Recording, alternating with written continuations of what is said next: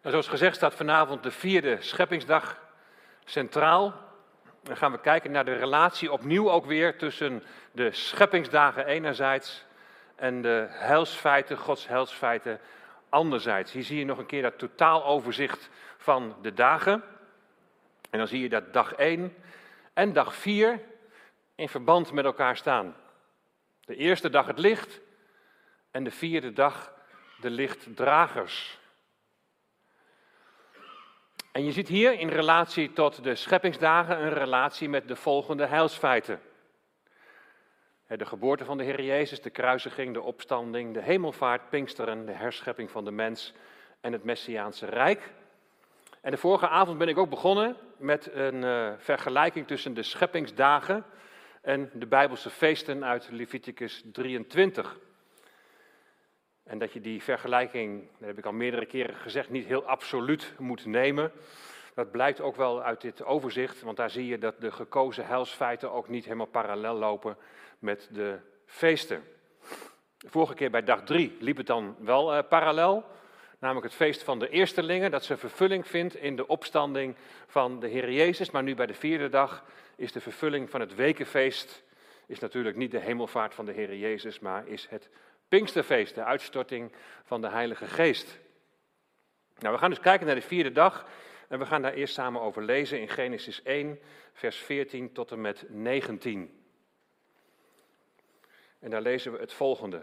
En God zei, laten er lichten zijn aan in het hemelgewelf om scheiding te maken tussen de dag en de nacht. En laten zij zijn tot tekenen en tot aanduiding van vaste tijden en van dagen en jaren.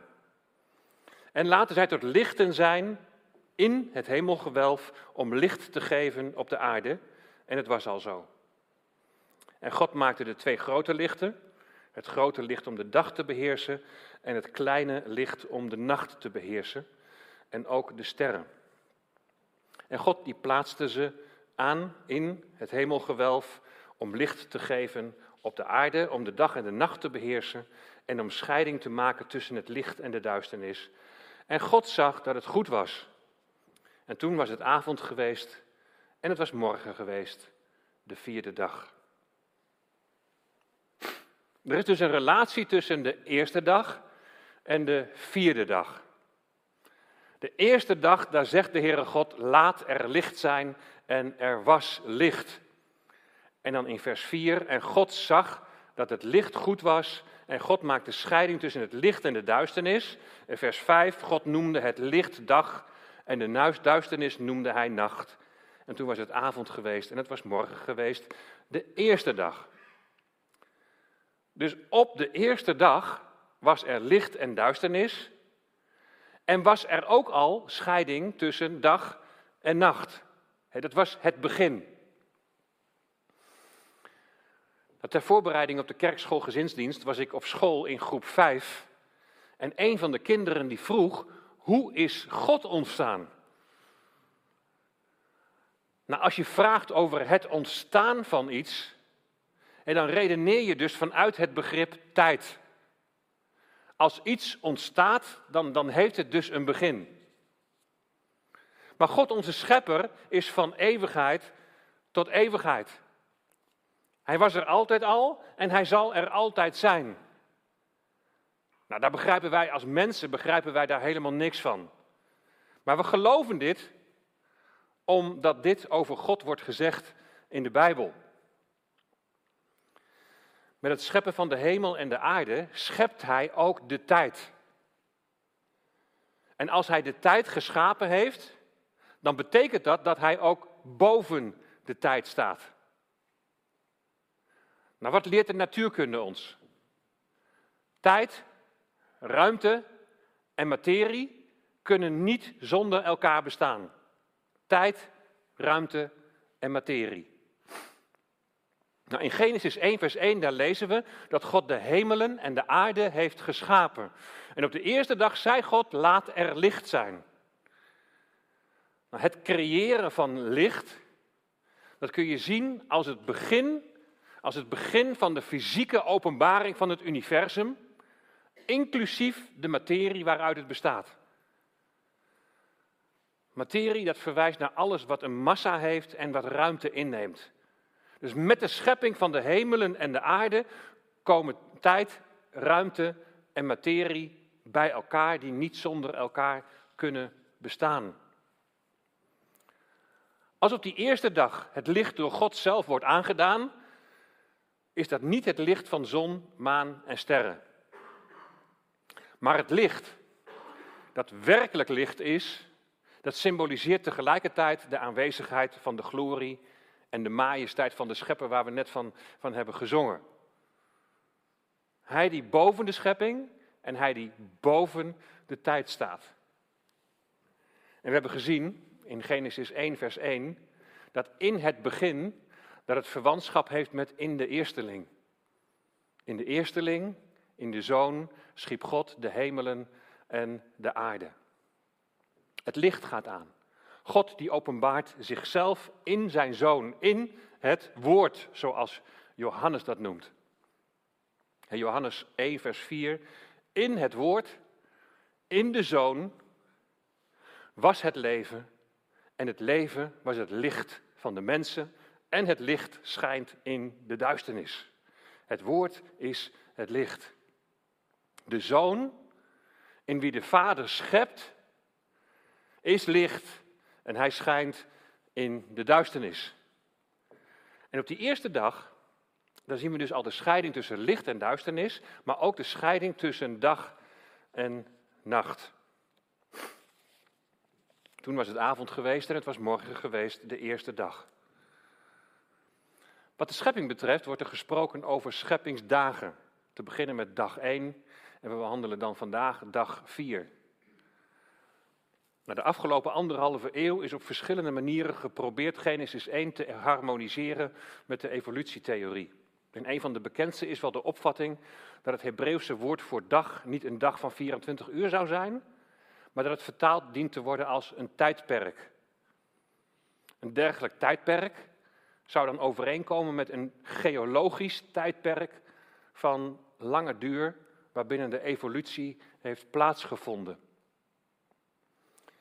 Ik vond het wel gepast om het juist op deze avond ook even hierover te hebben, want we gaan het heel nadrukkelijk vanavond hebben over dat begrip tijd. Er wordt dan geredeneerd, als bij God een dag als duizend jaar is, waarom kan dan een dag ook niet miljoenen jaren duren, is dan de redenatie. En naast deze visie zijn er trouwens ook nog allerlei andere varianten daarop, maar ze hebben allemaal één groot manco. Want wanneer je onbevooroordeeld Genesis 1 leest, dan kun je niet anders dan concluderen dat God de hemel en de aarde in zes letterlijke dagen heeft geschapen. Er wordt gesproken over dag en nacht. En over het was avond en het was morgen geweest. En het Hebreeuwse woord voor dag is yom, hè, yom kippur. Dus het Hebreeuwse woord voor, voor dag is yom. Het Hebreeuwse woord voor dag, yom, als losstaand woord, en zo is dat ook hier in Genesis 1, het is een losstaand woord, dan is het in alle gevallen, als je het vergelijkt met andere teksten, is het in alle gevallen de gewone betekenis van het woord dag. De dag als tegenstelling tot de nacht. Volgens de Bijbel heeft God de hemelen en de aarde in zes dagen geschapen. Nou, hij had dat bij wijze van spreken ook in een vingerknip kunnen doen. Maar hij heeft ervoor gekozen om het in zes dagen te doen. Ik kan het niet bewijzen. Het is een kwestie van geloof. Je gelooft het of je gelooft het niet. Maar het is wat mij de Bijbel duidelijk maakt. Dan van dag 1 naar dag 4, vers 14. En God zei: Laten er lichten zijn in het hemelgewelf om scheiding te maken tussen de dag en de nacht. En laten zij zijn tot tekenen en tot aanduiding van vaste tijden en van dagen en jaren. Nou, het enige dat hier in vers 14 geschreven staat over de positie van zon, maan en sterren, is dat zij geplaatst zijn in het hemelgewelf. En achteraan zie je dat ik tussen haakjes heb gezet in. Nou, de Statenvertaling en de King James vertaling, die vertalen hier mijns inziens juist door niet te vertalen met aan het hemelgewelf, maar in het hemelgewelf. lichten in het hemelgewelf. En dat wordt herhaald in vers 15 en vers 17. En dan de vijfde dag, en God zei, laat het water wemelen van wemelende levende wezens en laat er vogels boven de aarde vliegen langs het hemelgewelf. Ook hier vertalen de Statenvertaling en de King James vertaling niet met langs het hemelgewelf, maar in het hemelgewelf. Dus lichten in het hemelgewelf, vogels vliegen in het hemelgewelf, in de rakia. Misschien herinner je dat woord nog van de tweede dag. En dat is dat wat God uitgestrekt heeft als een tent. Nou, daar hebben we de tweede dag heel uitgebreid bij stilgestaan. Ik denk dat die uitgestrektheid op een gegeven moment ook een, een extra laag om de atmosfeer is geweest, waar het water werd tegengehouden. Dat tijdens de zonvloed is uitgestort en uit, uit ondergrondse bronnen ook naar boven gekomen is. Ehm, wat ik veel interessanter vind, en waar volgens mij ook veel meer de nadruk ligt in deze tekst, is waartoe die lichten in het hemelgewelf zijn gezet, geplaatst. En daarover staat dan het volgende. Laten er lichten zijn in het hemelgewelf om één, scheiding te maken tussen de dag en de nacht. Twee, laten zij zijn tot tekenen. Drie, tot aanduiding van vaste tijden. En vier, van dagen en jaren. Dus één, scheiding maken tussen dag en nacht. Ten tweede, tekenen. Dus de volgende slide is dat. Dan zie je ze nog even op een rijtje. Drie, de aanduiding van vaste tijden. En ten vierde, de aanduiding van dagen en jaren.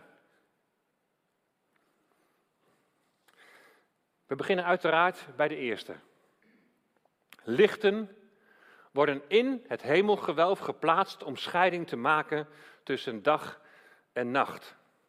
En daarmee ook scheiding te maken tussen licht en donker. De, de, de, de, de lichten die moeten een heel duidelijk ritme in de schepping aanbrengen, ook voor ons. En dat onderscheid was er al op de eerste dag, hebben we gezien.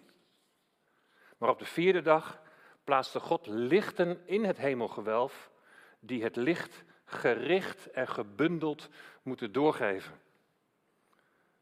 De taak van het hemelgewelf, het hemellicht, dat op de eerste dag de duisternis verdreef, wordt voortaan uitgeoefend door verschillende hemellichamen. Met name genoemd zijn dan de zon en de maan, die ten opzichte van elkaar het grotere en het kleine licht aan de hemel vormen, evenals de sterren. Als tweede zijn de lichten gegeven als tekenen.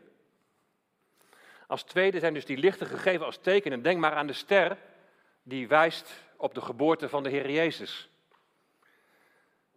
In Joel 2, vers 31 zal als teken van de aanvang van de dag van de Heer, dat is de aanloop naar de wederkomst van de Heer Jezus, dan zal de zon veranderd worden in duisternis en de maan in bloed.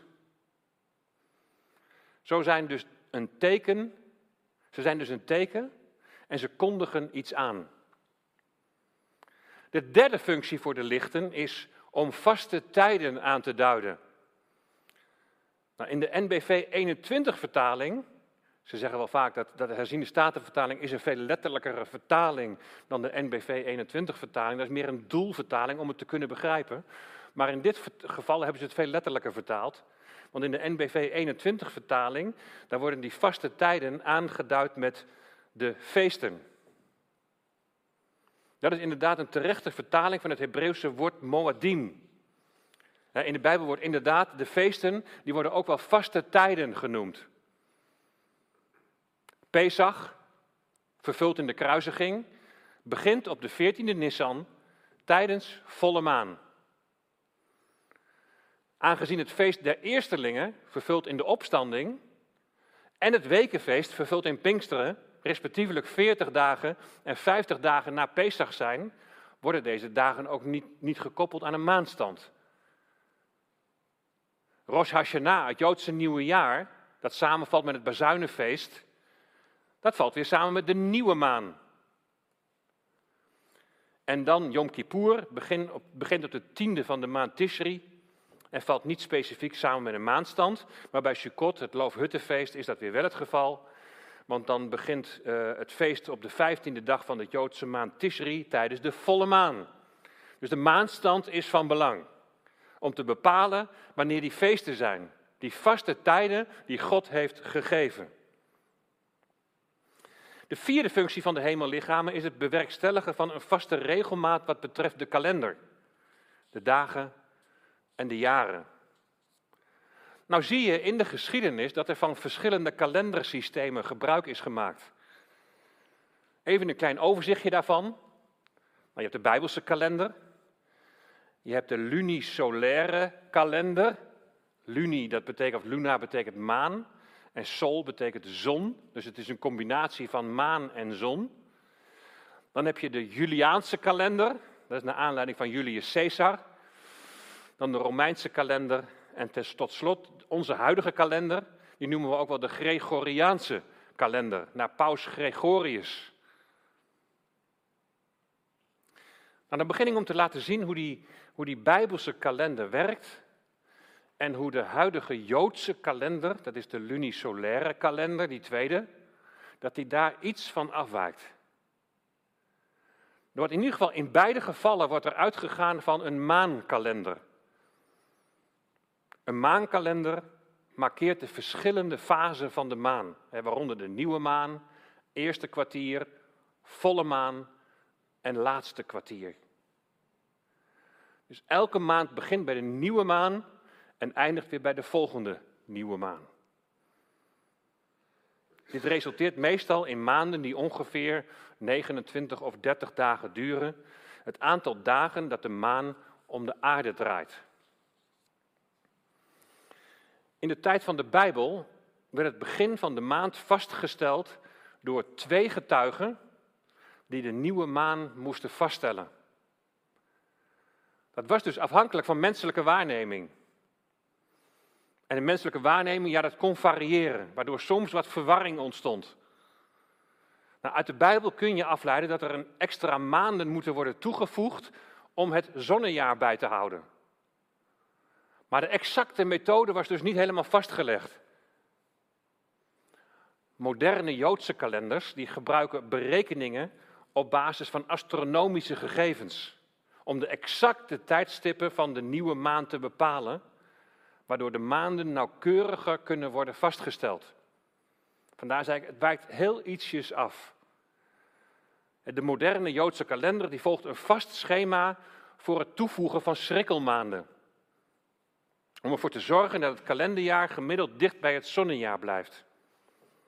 En deze schrikkelmaanden die worden toegevoegd op basis van een cyclus van 19 jaar, waarbij bepaalde jaren een extra maand krijgen om het zonnejaar te, te corrigeren.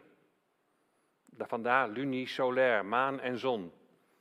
En hierdoor kunnen de feesten, door, het dus, uh, door, door die maand eraan toe te voegen, daardoor kunnen de feesten elk jaar op ongeveer dezelfde tijd in het seizoen vallen.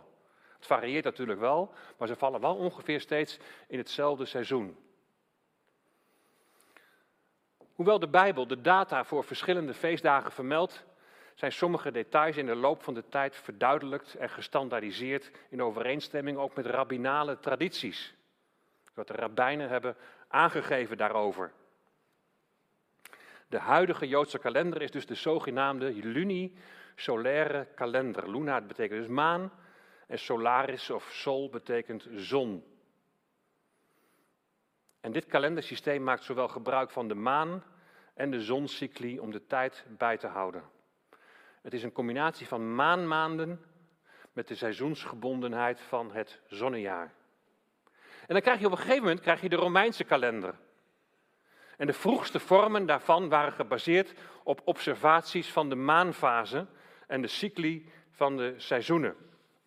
De kalender had twaalf maanden met de namen die wij nu nog steeds kennen.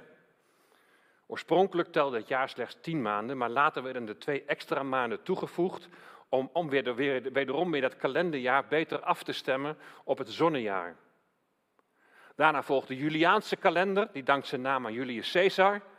En die werd in 46 voor Christus werd die geïntroduceerd. En deze kalender is gebaseerd op het zonnejaar. En op de veronderstelling dat dit de tijd is die de aarde nodig heeft om een volledige omwenteling rond de zon te voltooien. Het zonnejaar duurt dan ongeveer 365,25 dagen. De kalender die heeft 12 maanden. En zoals we het nu kennen met 30 of 31 dagen. En in februari 28 en één keer in de vier jaar 29 dagen. Maar dat is nog niet helemaal zoals het nu bij ons gaat. Lijkt, lijkt misschien wel, maar het gaat bij ons toch nog ietsjes anders. Namelijk die Gregoriaanse kalender in 1582. Ingevoerd door paus Gregorius XIII. Die bouwt voort op de Juliaanse kalender, dus een zonnekalender. Maar hij corrigeert dat schrikkeljaarpatroon. Dus de jaren die deelbaar zijn door vier, die worden als schrikkeljaar beschouwd. Behalve de eeuwjaren, dat zijn jaartallen die eindigen op 00, tenzij ze weer deelbaar zijn door 400. Ik heb altijd gedacht dat het gewoon één keer in de vier jaar was, klaar. En, maar er zit dus nog wel meer aan vast. Wat zei je? Nee, klopt. Ja, in 2000 hadden we geen schrikkeljaar. Ja, klopt het wel? Maar het is wel deelbaar door 400. Dan moeten we nog maar eens nakijken. Waar het even om gaat is, de lichten zijn dus duidelijk gegeven tot de aanduiding van vaste tijden en van dagen en jaren. Waarbij we moeten constateren dat onze huidige kalender, en eigenlijk al die voorgaande kalenders ook, in meer of in mindere mate afwijken van Gods kalender. En dat we ook dus zien dat de huidige Joodse kalender dus ook weer net even ja, ook eh, iets daarvan kan afwijken. De Bijbel in gewone taal die spreekt in vers 14 al over seizoenen, maar die ontstaan volgens mij pas later. En dan sluit ik even aan bij Hanno Snippen, die naar aanleiding van deze vierde dag een boek heeft geschreven. Heeft God nog wel de tijd? En zeer de moeite waard om eens een keertje te lezen. En daarin schrijft hij het volgende over de seizoenen. De as van de aarde staat niet precies in het midden, maar heeft een afwijking van 23,44 graden. En door deze afwijkende stand van de as van de aarde, die het gevolg is van de zondvloed, komen er in Genesis 8, vers 22 seizoenen bij. Dus zolang de aarde bestaat, Genesis 8, vers 22, zal er een tijd zijn om te zaaien, een tijd om te oogsten. Zal er koude zijn en hitte, zomer en winter, dag en nacht, komt er nooit, komt nooit, komt daar een einde aan. Dus je ziet dus een verschil van voor en na de zondvloed. Als de as van de aarde recht zou zijn geweest, dan waren de dag, dagen en de nachten het hele jaar even lang, schrijft hij. Als de dagen even lang zijn, dan blijft de temperatuur het hele jaar ongeveer hetzelfde. We hebben het deze vierde dag heel nadrukkelijk over de tijd. Dan is het ook nog goed om te noemen dat God na de zondvloed nog twee keer op bovennatuurlijke wijze heeft ingegrepen in de tijd. De eerste keer was toen Jozua in oorlog was met de Amorieten. De strijd was bijna geleverd en de overwinning was bijna behaald. En toen vroeg Jozua aan God om de zon en de maan stil te laten staan. Jozua 10, vers 12. Toen sprak Jozua tot de Heere op de dag dat de Heere de Amorieten aan de Israëlieten overgaf. En hij zei voor de ogen van Israël, zon sta stil in Gibeon en maan in het dal van Ayalon. Het tweede moment was tijdens het leven van Hiskia. Hij was ongeneeslijk ziek en vroeg aan de Heer of er nog een periode aan zijn leven mocht worden toegevoegd. Hij mocht van de profeet Jezaja om een teken vragen. De zon moest vooruit of achteruit gaan. En op verzoek van Hiskia ging de zon toen 10 graden terug. Met teruggaan van de zon ging de tijd uiteraard ook terug. 2 Koningen 10, 20 vers 10. Toen zei Hiskia, het is voor de schaduw gemakkelijk om tien treden, terug, treden verder te gaan. Nee, laat de schaduw tien treden teruggaan. De Bijbel zegt dat de aarde vaststaat. En als de zon stil moet gaan staan, dan zou dat dus betekenen dat de zon beweegt. Maar dat is niet zoals we het hebben geleerd. De wetenschap heeft ons geleerd dat de aarde om de zon draait. En de maan om de aarde. Dus dat de maan beweegt, dat is geen probleem. Dus dat de maan gaat stilstaan bij Jozua, dat kunnen we snappen. Dat is inderdaad ook in overeenstemming met de huidige wetenschap. Maar hoe zit het nou met de zon? De zon die beweegt wel, maar niet zoals de maan. Dus de zon beweegt wel, maar niet zoals de maan om de aarde. Men zegt dat de beweging van de zon dat die wordt veroorzaakt door de zwaartekracht die ontstaat door de massa van de zon. Weet je, een van de redenen die ik heb aangegeven om deze studie over de schepping te doen, is om de betrouwbaarheid van de Bijbel aan te tonen. Nou, als je je gaat verdiepen in wie om wie draait, of wie wel of niet draait, dan is het zo dat of de wetenschap ernaast zit en dat de aarde niet draait om de zon, of je moet de Bijbel lezen vanuit observatie hier op aarde en er rekening mee houden dat veel, bijna alle teksten over de aarde, ik weet niet of je dat wel eens is opgevallen, bijna alle teksten die over de aarde gaan, die staan in de poëtische boeken. Dat zijn de boeken Job, Psalmen, Spreuken, Prediker, Hooglied. En wordt dan met vaste aarde bedoeld dat hij helemaal niet beweegt? Of wordt met vaste aarde bedoeld dat de aarde stabiel is? bij de studie over dag 2 heb ik veel meer van dit soort teksten heb ik al, al toegelicht. Die dan vaak letterlijk worden genomen, terwijl het maar de vraag is omdat het poëtische boeken zijn, omdat het dichterlijke boeken zijn, of je dat ook zo letterlijk moet lezen. In poëtische boeken kun je niet alles letterlijk nemen, maar het is vaak heel lastig te bepalen wanneer moet je het dan wel doen en wanneer moet je dat dan niet doen. Weet je, je kunt je gelijk, kun je niet bewijzen. En wat het bewijzen van de waarheid van Gods woord betreft, heb ik het ook helemaal niet nodig om bijvoorbeeld het ongelijk van de wetenschap aan te kunnen tonen, want dat kan ik helemaal niet. En ik heb het ook niet nodig om absolute uitspraken te doen over wanneer je teksten dan wel of niet letterlijk moet nemen. En ik, ik wil niet zeggen dat het allemaal niet belangrijk is, maar de waarheid van Gods woord meet ik niet aan dit soort dingen af. Allereerst is voor mij Christus de waarheid. En voor mij is Genesis 1 en 2 en de rest is waarheid, omdat, zoals ik dat de vorige keer ook heb laten zien, zowel Jezus als Paulus zaken uit de schepping bevestigen. Weet je, er is nog een leuk weetje dat aantoont dat het ingrijpen van God in de tijd, die twee voorbeelden die ik net noemde, dat het ook heeft plaatsgevonden. Over de betrouwbaarheid van Gods woord gesproken. En Hanno die, die schrijft daarover in zijn boek. En hij gebruikt dan de Katholieke Universiteit Leuven als, als bron. En zij schrijven het volgende. Amerikaanse NASA-wetenschappers waren bezig met ingewikkelde computerberekeningen betreffende de stand van de hemellichamen over de afgelopen duizenden jaren. En opeens gaf de computer een foutmelding. In de ruimteconstructie van verlogen tijden bleek precies één dag te ontbreken. De geleerden kwamen er niet uit totdat een astronaut zich opeens een verhaal van de zondagschool herinnerde, dat de zon een keer had stilgestaan. Dat was nog niet helemaal de verklaring voor die ene dag, want dat verklaarde 23 uur en 20 minuten. Dus net geen hele dag.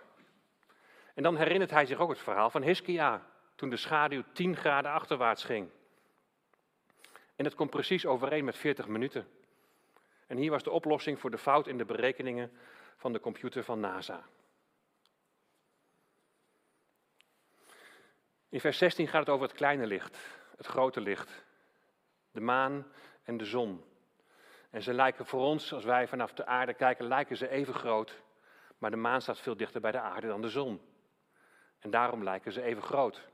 In de preek heb ik al aangegeven dat de zon een diameter heeft van plusminus 1,4 miljoen kilometer. De maan heeft slechts een diameter van 3474 kilometer. Voor het oog lijken ze even groot, maar men zegt dat de afstand van de zon tot de aarde ongeveer 400 keer groter is dan de afstand van de maan tot de aarde. Nou, je weet dan in ieder geval dat een groot en een klein licht, zoals het hier in de Bijbel staat vermeld, dat het klopt. Tot zover de uitleg over die vierde dag. De derde dag hebben we vergeleken met het feest der eerstelingen dat zijn vervulling vindt in de opstanding van de Heer Jezus. Nou laten we bij deze vierde dag ook eens even kijken wat voor mooie vergelijkingen je kunt maken. Je ziet in dit overzicht de hemelvaart staan en ook het wekenfeest dat vervuld is in het Pinksterfeest. En zon, maan en sterren worden heel vaak in de Bijbel als metafoor gebruikt. Denk maar aan de droom van Jozef. De zon en de maan zijn de vader en de moeder en de sterren, dat zijn de kinderen. Het kan ook zo weer voor wat anders gebruikt worden. Het is net even afhankelijk van de context waarin het wordt gebruikt.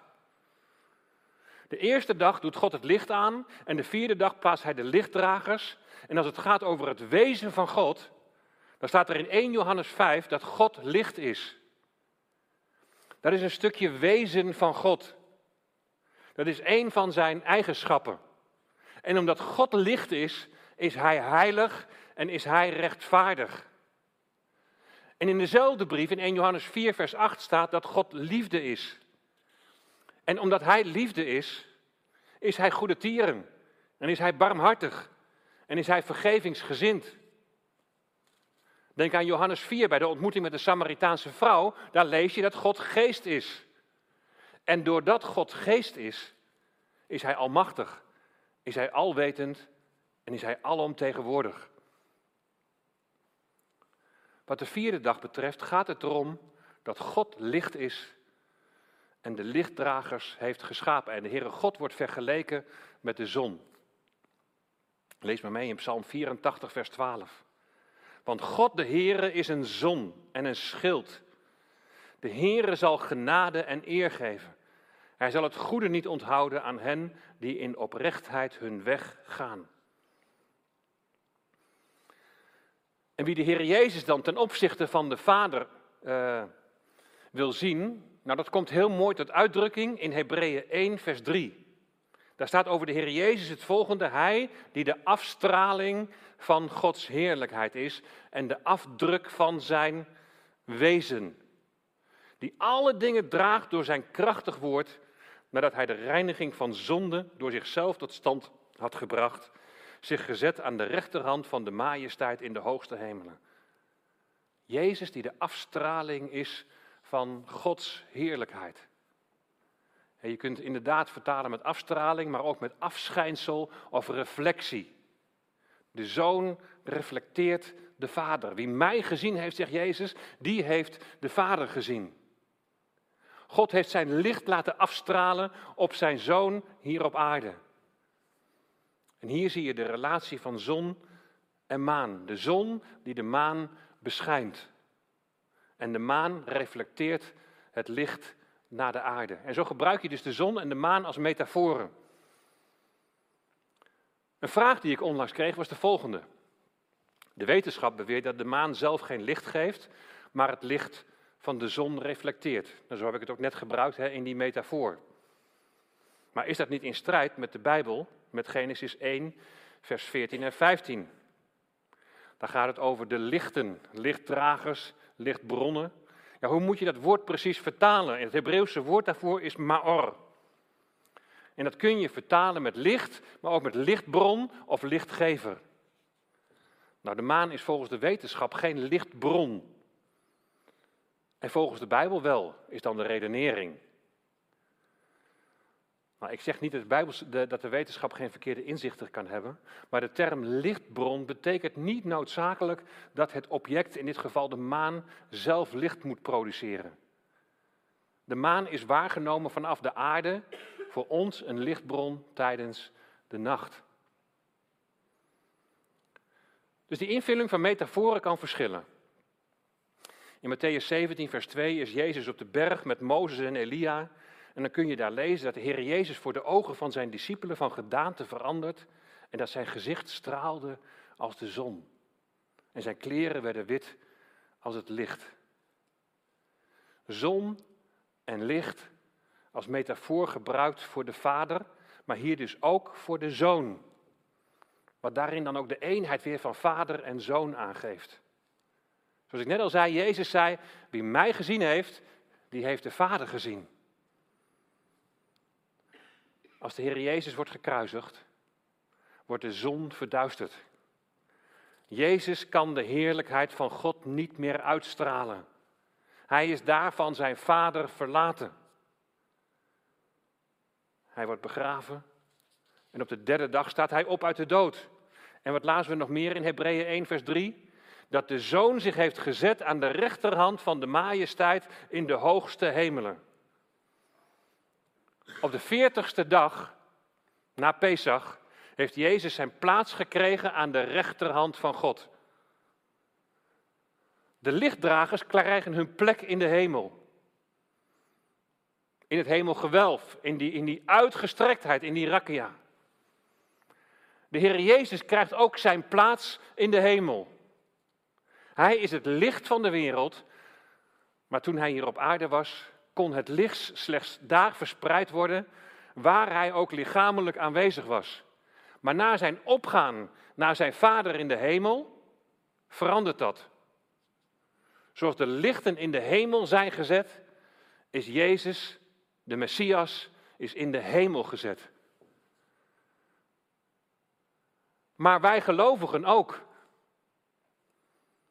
Je leest dat in Efeze 2, vers 4 tot en met 7.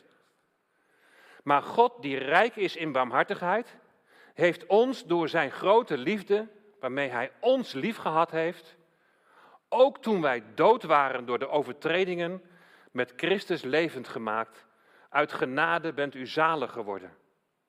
En heeft ons met hem opgewekt en met hem in de hemelse gewesten gezet in Christus Jezus. Opdat hij in de komende eeuwen de alles overtreffende rijkdom van zijn genade zou bewijzen door de goede tierenheid over ons in Christus Jezus. Wie in Jezus Christus gelooft, is met hem opgewekt. En opgewekt betekent niet alleen dat je levend bent geworden, dat je eeuwig leven hebt ontvangen, maar het betekent ook dat opgewekt zijn dat je ergens anders bent.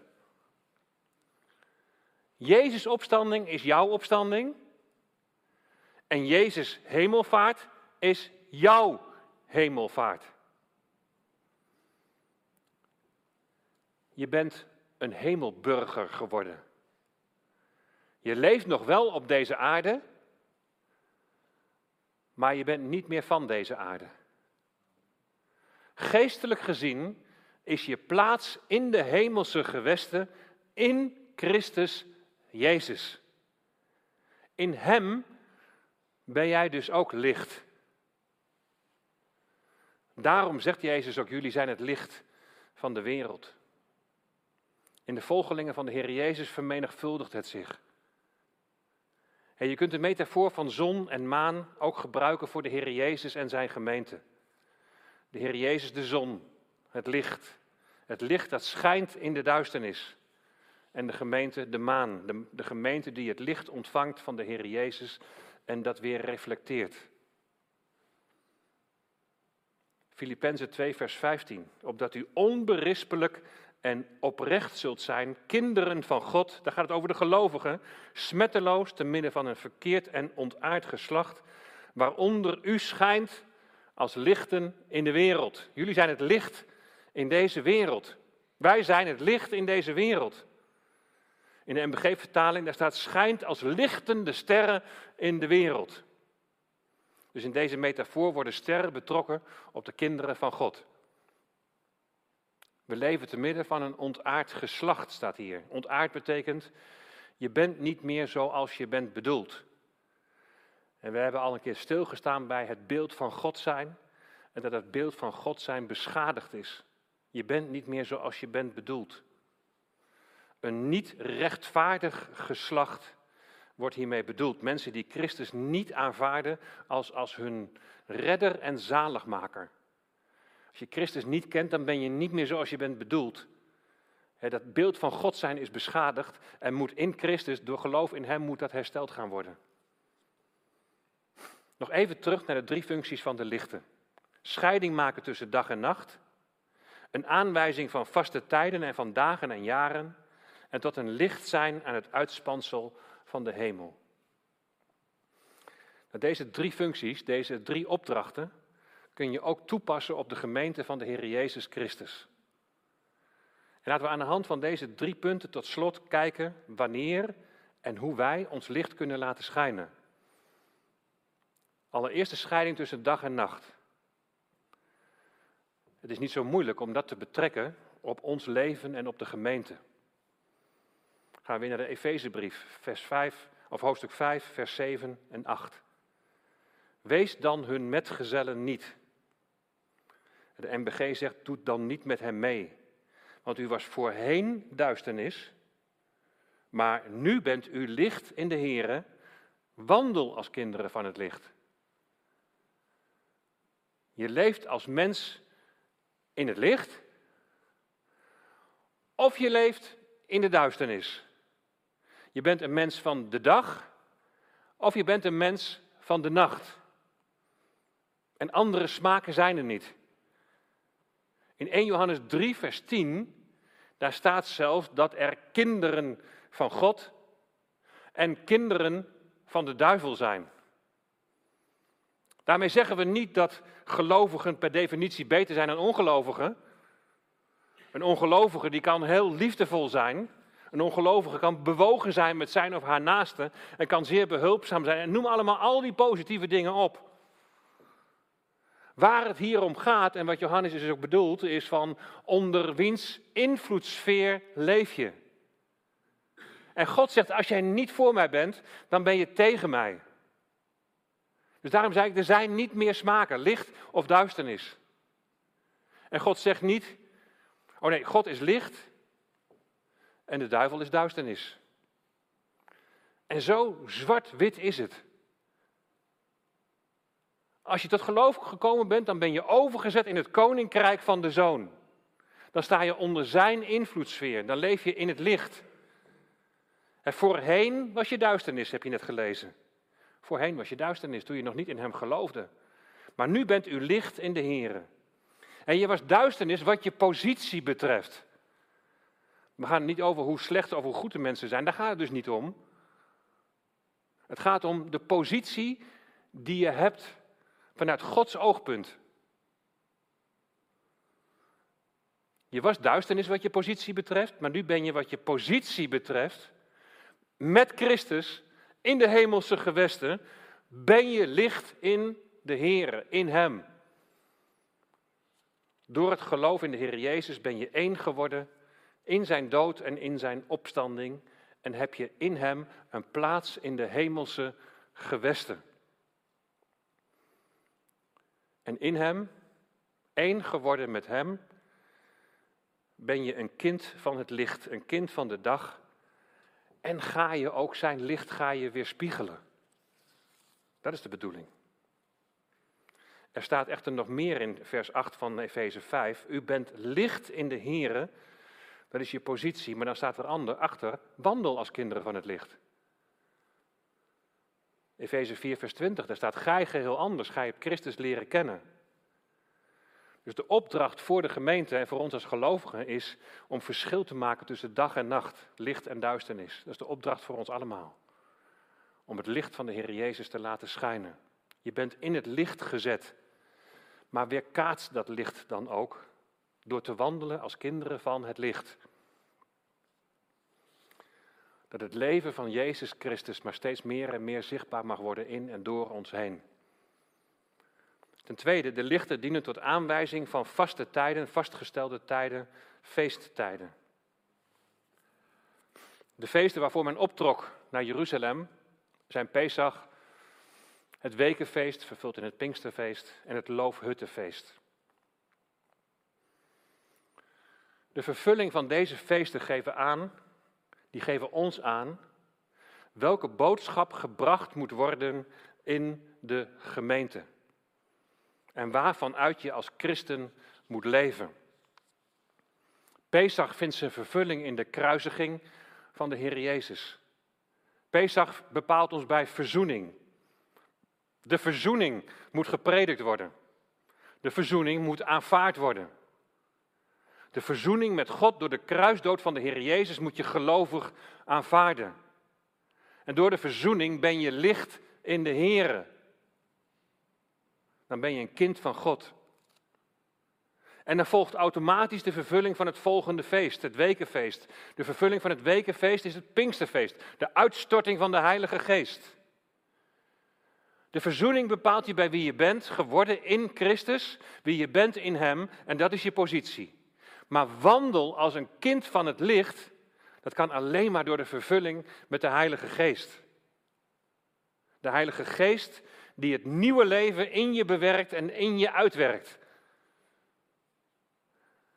De vervulling met de Heilige Geest moet gepredikt worden, maar ook zichtbaar worden in je leven. Je zou wat de vierde dag betreft ook een link kunnen leggen met het wekenfeest. En dat is vervuld in het Pinksterfeest. De zon, de maan en de sterren, die zijn er om richting te geven aan de mens door hem te helpen bij zijn tijdsaanduiding van dagen, maanden en jaren. De sterren die heb ik niet zo benoemd, maar die zijn onder andere nuttig voor navigatie. Ze kunnen je de weg wijzen. Als het volk Egypte verlaat, de Schelfzee overtrekt en dan door de woestijn trekt, komen ze op een gegeven moment bij de Sinaï. En de aankomst bij de Sinaï was precies op de datum van het wekenfeest, Shavuot, dat vervuld wordt in het Pinksterfeest. Het is de dag, daar op de Sinaï, dat God de Torah gaf aan zijn volk. De Torah is een richtingaanwijzer zoals de sterren. De Torah is een gids die vertelt waar je heen moet. Wat de uiterlijke manifestatie betreft, zijn er ook verschillende overeenkomsten tussen die gebeurtenis bij de Sinaï en de gebeurtenis op het Pinksterfeest in Jeruzalem. Bij de Sinaï wordt de uiterlijke wet aan God gegeven en met Pinksteren wordt de Torah in het hart gelegd door de inwoning van de Heilige Geest. Pesach en het wekenfeest, verzoening en vervulling. En deze feest die proclameerde Johannes de Heer. En er ontbreekt er nog eentje. En die staat in relatie tot het loofhuttenfeest. Het loofhuttenfeest vindt zijn vervulling in de wederkomst van de Heer Jezus. En dat is de vee van verwachting. De verwachting van de komst van de Heer Jezus moet gepredikt worden. Maar laat van binnen die verwachting en dat uitzien naar Hem ook realiteit zijn. Niet alleen een theorie, maar een innerlijk verlangen. Ook zo laat je je licht schijnen en komt de schijnwerper op de komende, op de Heer Jezus Christus. Als je leeft in de hoop die voor je ligt, dan geeft dat kracht voor vandaag. En God plaatste ze, vers 17, in het hemelgewelf om licht te geven op de aarde, om de dag en de nacht te beheersen en om scheiding te maken tussen het licht en de duisternis. En God zag dat het goed was. De hemellichamen zijn gegeven om te heersen over de dag en de nacht. De mens is geschapen om te heersen over de schepping. In de prediking over de zesde dag hebben we daar al bij stilgestaan. Heersen moet je dan niet zien als, als of heersen moet je dan juist zien als, als beheren of, of goed zorgen voor de schepping. En dat heersen is door de zondeval uit handen gegeven. Het beeld van God zijn is beschadigd. Daarom leeft de mens zonder God onder de invloedssfeer van de duivel, aan wie de macht gegeven is, die de overste van deze wereld, de God van deze eeuw, van dit tijdperk wordt genoemd. Maar de verzoening van de Heer Jezus, in de verzoening van de Heer Jezus, wordt, in, wordt het beeld van God zijn in ons hersteld, omdat wij in Hem zijn. En dat betekent ook dat wij mogen laten zien wat het beheren van de schepping inhoudt. Zo mogen wij ons licht laten schijnen. De vierde dag, de zon, de maan en de sterren. Zoals zij in de hemel zijn gezet, zo zijn wij gelovigen in de hemel gezet. Jezus' hemelvaart is onze hemelvaart. En we staan vaak wel stil bij het feit dat Jezus' kruisiging onze kruisiging is. Ons vlees is met Christus gekruisigd. Ons eigen ik. Dat Jezus' opstanding onze opstanding is. Dat we in Hem nieuw leven hebben ontvangen. Maar het gaat dus nog een stapje verder. Jezus' hemelvaart is ook onze hemelvaart. En als hemelburger ben je geroepen om je licht te laten schijnen op aarde. En dat doen we door Hem te verkondigen. Dat doen we door het leven van Jezus te leven. En dat doen we door te doen wat Hij zegt.